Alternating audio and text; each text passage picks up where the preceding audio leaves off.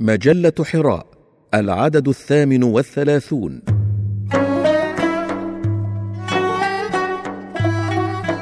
المسلمون وحقوق الإنسان. قراءة في آليات التعاطي ثلاثة. بقلم الدكتور أحمد عبادي.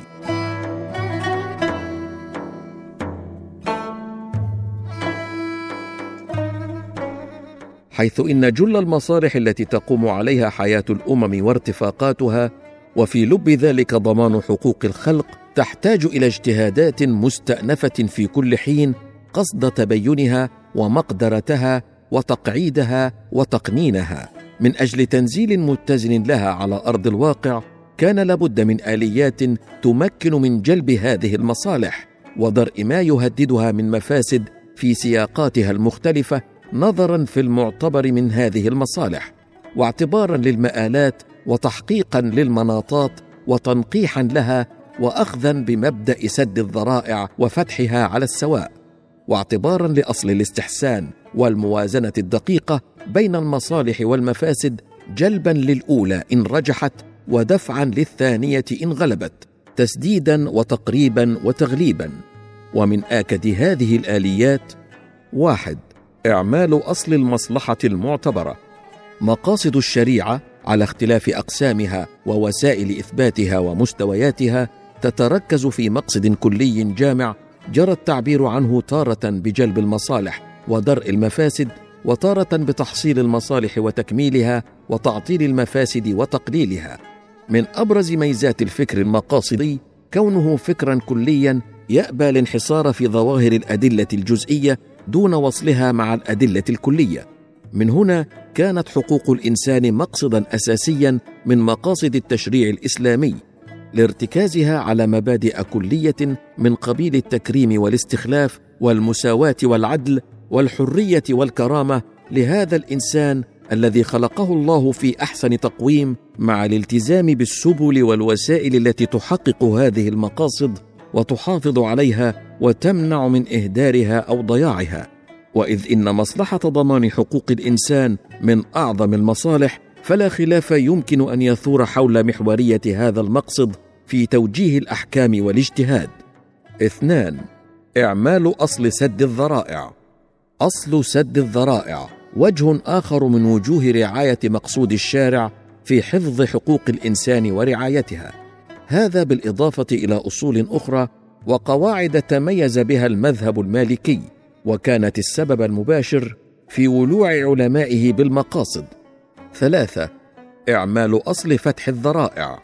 بما أن المراد بالذريعة ما يتوصل به إلى مفسدة فتكون ممنوعة أو إلى مصلحة فتكون مطلوبة فإن الذريعة لا يكون المطلوب سدها دائما بل يكون سدها أو فتحها خاضعا لحكم ما أفضت إليه. وبمعنى آخر فسدها أو فتحها منوط بما تفضي إليه من المقاصد والحكم. قال الإمام القرافي اعلم أن الذريعة كما يجب سدها يجب فتحها ويكره ويندب ويباح فإن الذريعة هي الوسيلة. فكما أن وسيلة المحرم محرمة فوسيلة الواجب واجبة كالسعي للجمعة والحج. وأشار صاحب المراقي إلى فتح الذرائع بقوله سد الذرائع إلى المحرم حتم كفتحها إلى المنحتم. وبخصوص ما قررناه في هذه الفقرات من ضرورة فتح الذرائع الجالبة للمصالح فإننا نجد علماء الأمة قد قرروه في قواعد محكمة من قبيل قاعدة ما لا يتم المأمور إلا به أو ما لا يتم الواجب إلا به فهو واجب. فتسد الذرائع دون ما يمنع تحقق مقصد ضمان حقوق الإنسان وتفتح أمام ما ييسر ذلك ويسهم فيه. وأصل سد الذرائع أو فتحها يحيلنا على أصل ثان مكمل هو أصل اعتبار المآل.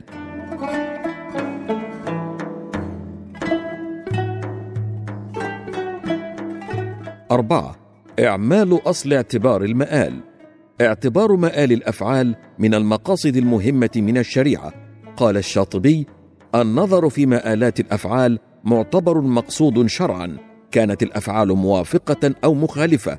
وذلك أن المجتهد لا يحكم على فعل من الأفعال الصادرة عن المكلفين بالإقدام والإحجام إلا بعد نظره إلى ما يؤول إليه ذلك الفعل مشروعا إلى مصلحة فيه تستجلب أو لمفسدة تدرأ.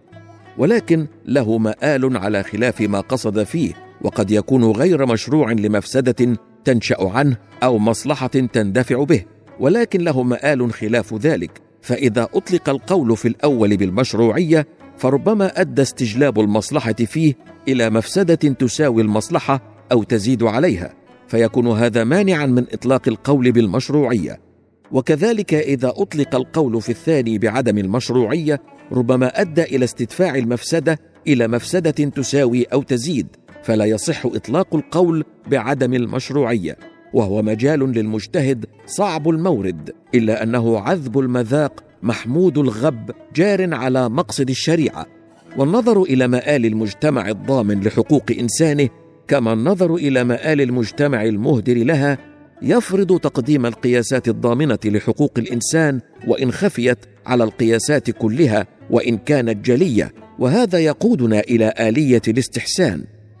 خمسة إعمال أصل الاستحسان.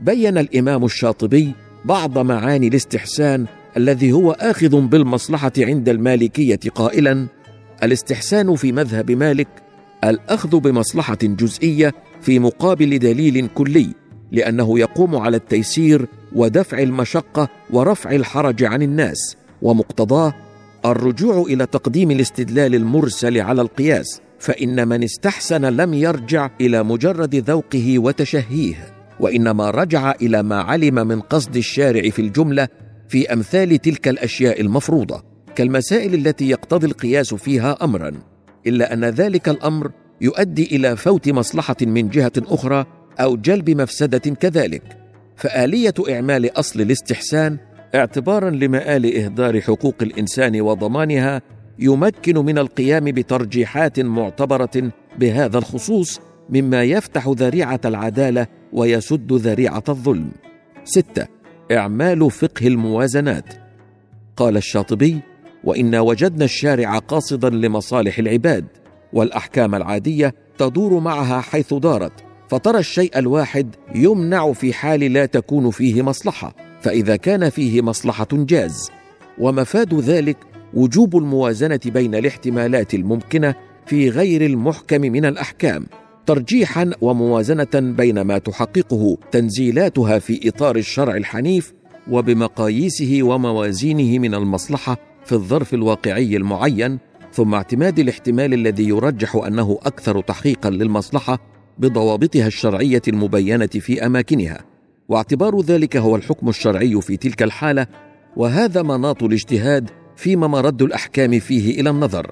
ومن تداعيات الوعي العميق عند علمائنا بهذه الآليات في النظر كونهم درجوا على ألا يسقطوا من اعتبارهم الآراء المرجوحة في تراثنا الفقهي إذ هي ذخيرة اجتماعية قد تمس إليها الحاجة في أوضاع لاحقة مختلفة.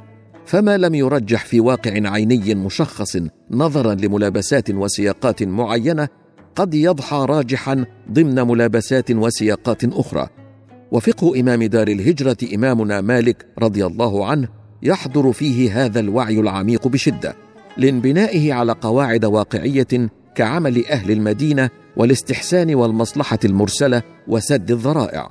وفقه الموازنات فقه دقيق يقتضي أن يكون المعمل له فردا كان أم جماعة ريانا من علوم النص وعلوم السياق. وعلى دراية بالعواقب والمآلات مما ينتج عنه ملكة في الترجيح والتغليب بعد القيام بالتسديد والتقريب. وجلي أن ذلك من معضدات ضمان حقوق الإنسان في المجتمعات.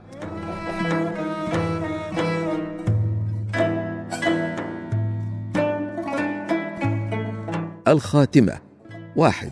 رامت هذه الدراسة الانخراط في العكوف الكوني على معالجة جملة من القضايا والإشكالات ذات العلاقة بتنزيل مختلف أجيال حقوق الإنسان كما هي متعارف عليها كونيا على أرض عالمنا المعولم في مراعاة لمقتضياته السياقية المختلفة والمتداخلة وكذا في مراعاة للمستلزمات المعرفية والثقافية والتشريعية. اثنان كما رامت هذه الدراسة إلى الإسهام في بلورة نظرية ار reverse moderate relativism في مجال حقوق الانسان والتي تعنى بالنظر التعارفي المنفتح إلى ما يمكن أن تغني به المنظومات التشريعية المختلفة منظومة حقوق الإنسان الكونية. وقد انكببنا في مقامنا هذا على النظر فيما يمكن أن تغني به المنظومة التشريعية الإسلامية منظومة حقوق الإنسان كما هي متعارف عليها كونيا. ووعيا بأن حال الفرد المستهدف بضمان حقوقه والاستنهاض للقيام بواجباته وعلى حد تعبير مارسيل غوشيه لا يتغير من الخارج فحسب وإنما من الداخل أيضا حيث إن هذا الفرد في الوقت نفسه الذي يجد فيه أن تحديده يعاد سواء تعلق الأمر بحقوقه أم بمصالحه فإن عناصر علاقته بنفسه تتغير بشكل أساسي وينقلب إدراكه الداخلي لمكونات شخصيته راسا على عقب. وإنها ظاهرة ذات تأثير بالغ يعيد فكرة الذاتية المتعلقة بصورة المواطن المطروحة منذ القرن الثامن عشر إلى بساط البحث مما يستلزم نظرا مستانفا واجتهادا متجددا بخصوص موقع الفرد والتشاكس السياسي والتسويقي الشرس للاستئثار باهتمامه وطاقاته ومقدراته. ولا شك أن من آكد حقوق الإنسان ألحق في قدر نسبي من التوقير حتى لا تضيع منه أزمة ذاته فيتيه عنها وعن محيطه. ثلاثة وقد استحضرت هذه الدراسة ضمنيا كون مكتسب الديمقراطية في عالمنا المعاصر قد نما في تمظهرات كثيرة له على التصادم مع المقدس مما أصاب الديمقراطية عن طريق العدوى بشيء من القداسة. جعلتها تسمو فوق الذاتيات والمكتسبات الشخصية فاستحثت الإنسان للخروج من حالة القصور مما سربل الديمقراطية بوقار جعل منها دعوة وخدمة على حد تعبير غوشيه شبه كهنوتية ومادة للتفاني غير المشروط في مفارقة لأن تصبح المشروع الشامل الذي يحيط بالوضع البشري بأكمله مما كان من نتائجه استدعاء الأديان إلى المجال العام فأعطى الديمقراطية هيئتها الجديدة في منطقتنا وما حولها مما يلزم باجتهاد متجدد يتغيى تعميق محيط الفعل الحقوقي والسياسي وحتى الاقتصادي. وإذ أن تملك الإعلان العالمي لحقوق الإنسان والمعاهدات المنبثقة منه أمر ضروري في الالتزام بمقتضياته فإنه من اللازم تفعيل مقاربة RMR ببرهانية ترفع وهم التناقض مع ثقافتنا المحلية بكل مرتكزاتها ومن أهمها الدين الإسلامي. وذلك بفتح نوافذ الاجتهاد والتجديد غير المتعارضين روحا مع الإعلان العالمي ولا مع فحوى النظم الاعتقادية والتشريعية في العالم والتي جميعها تجعل الإنسان في مركزيتها ولبابها. وما الإسلام ببدع من هذه النظم؟ أربعة. وقد تبين من البحث أن الشريعة الإسلامية ليست فقط غير متعارضة مع الإعلان العالمي لحقوق الإنسان وإنما تكتنز قوة اقتراحية من شأنها إغناؤه وتزويده بجملة من آليات التفعيل والإجراء. ولا سيما في مجال القرن الوظيفي الممقدر دوزي للحق بالواجب. كما تبين أثناء الحديث عن الجيل الثالث من حقوق الإنسان. ولا شك أن هذه المقاربة من شأنها تجاوز الكليشيه المعتاد الذي مفاده وكما يقول الباحث جيسون مورغان فوستر أن بعض الثقافات تتلكأ في قبول الحقوق التي تبناها معظم عالمنا باعتبارها أساسية. فإنه يتبين في هذه الحالة للعبرة أنه على العكس من ذلك تماما فإن الثقافة الإسلامية ليست وراء بل هي رائدة حيث إن خطابها التشريعي مقدر ومقتدى بهذا الصدد مما من شأنه أن يمنح منظورا منعشا للتداول حول كونية حقوق الإنسان.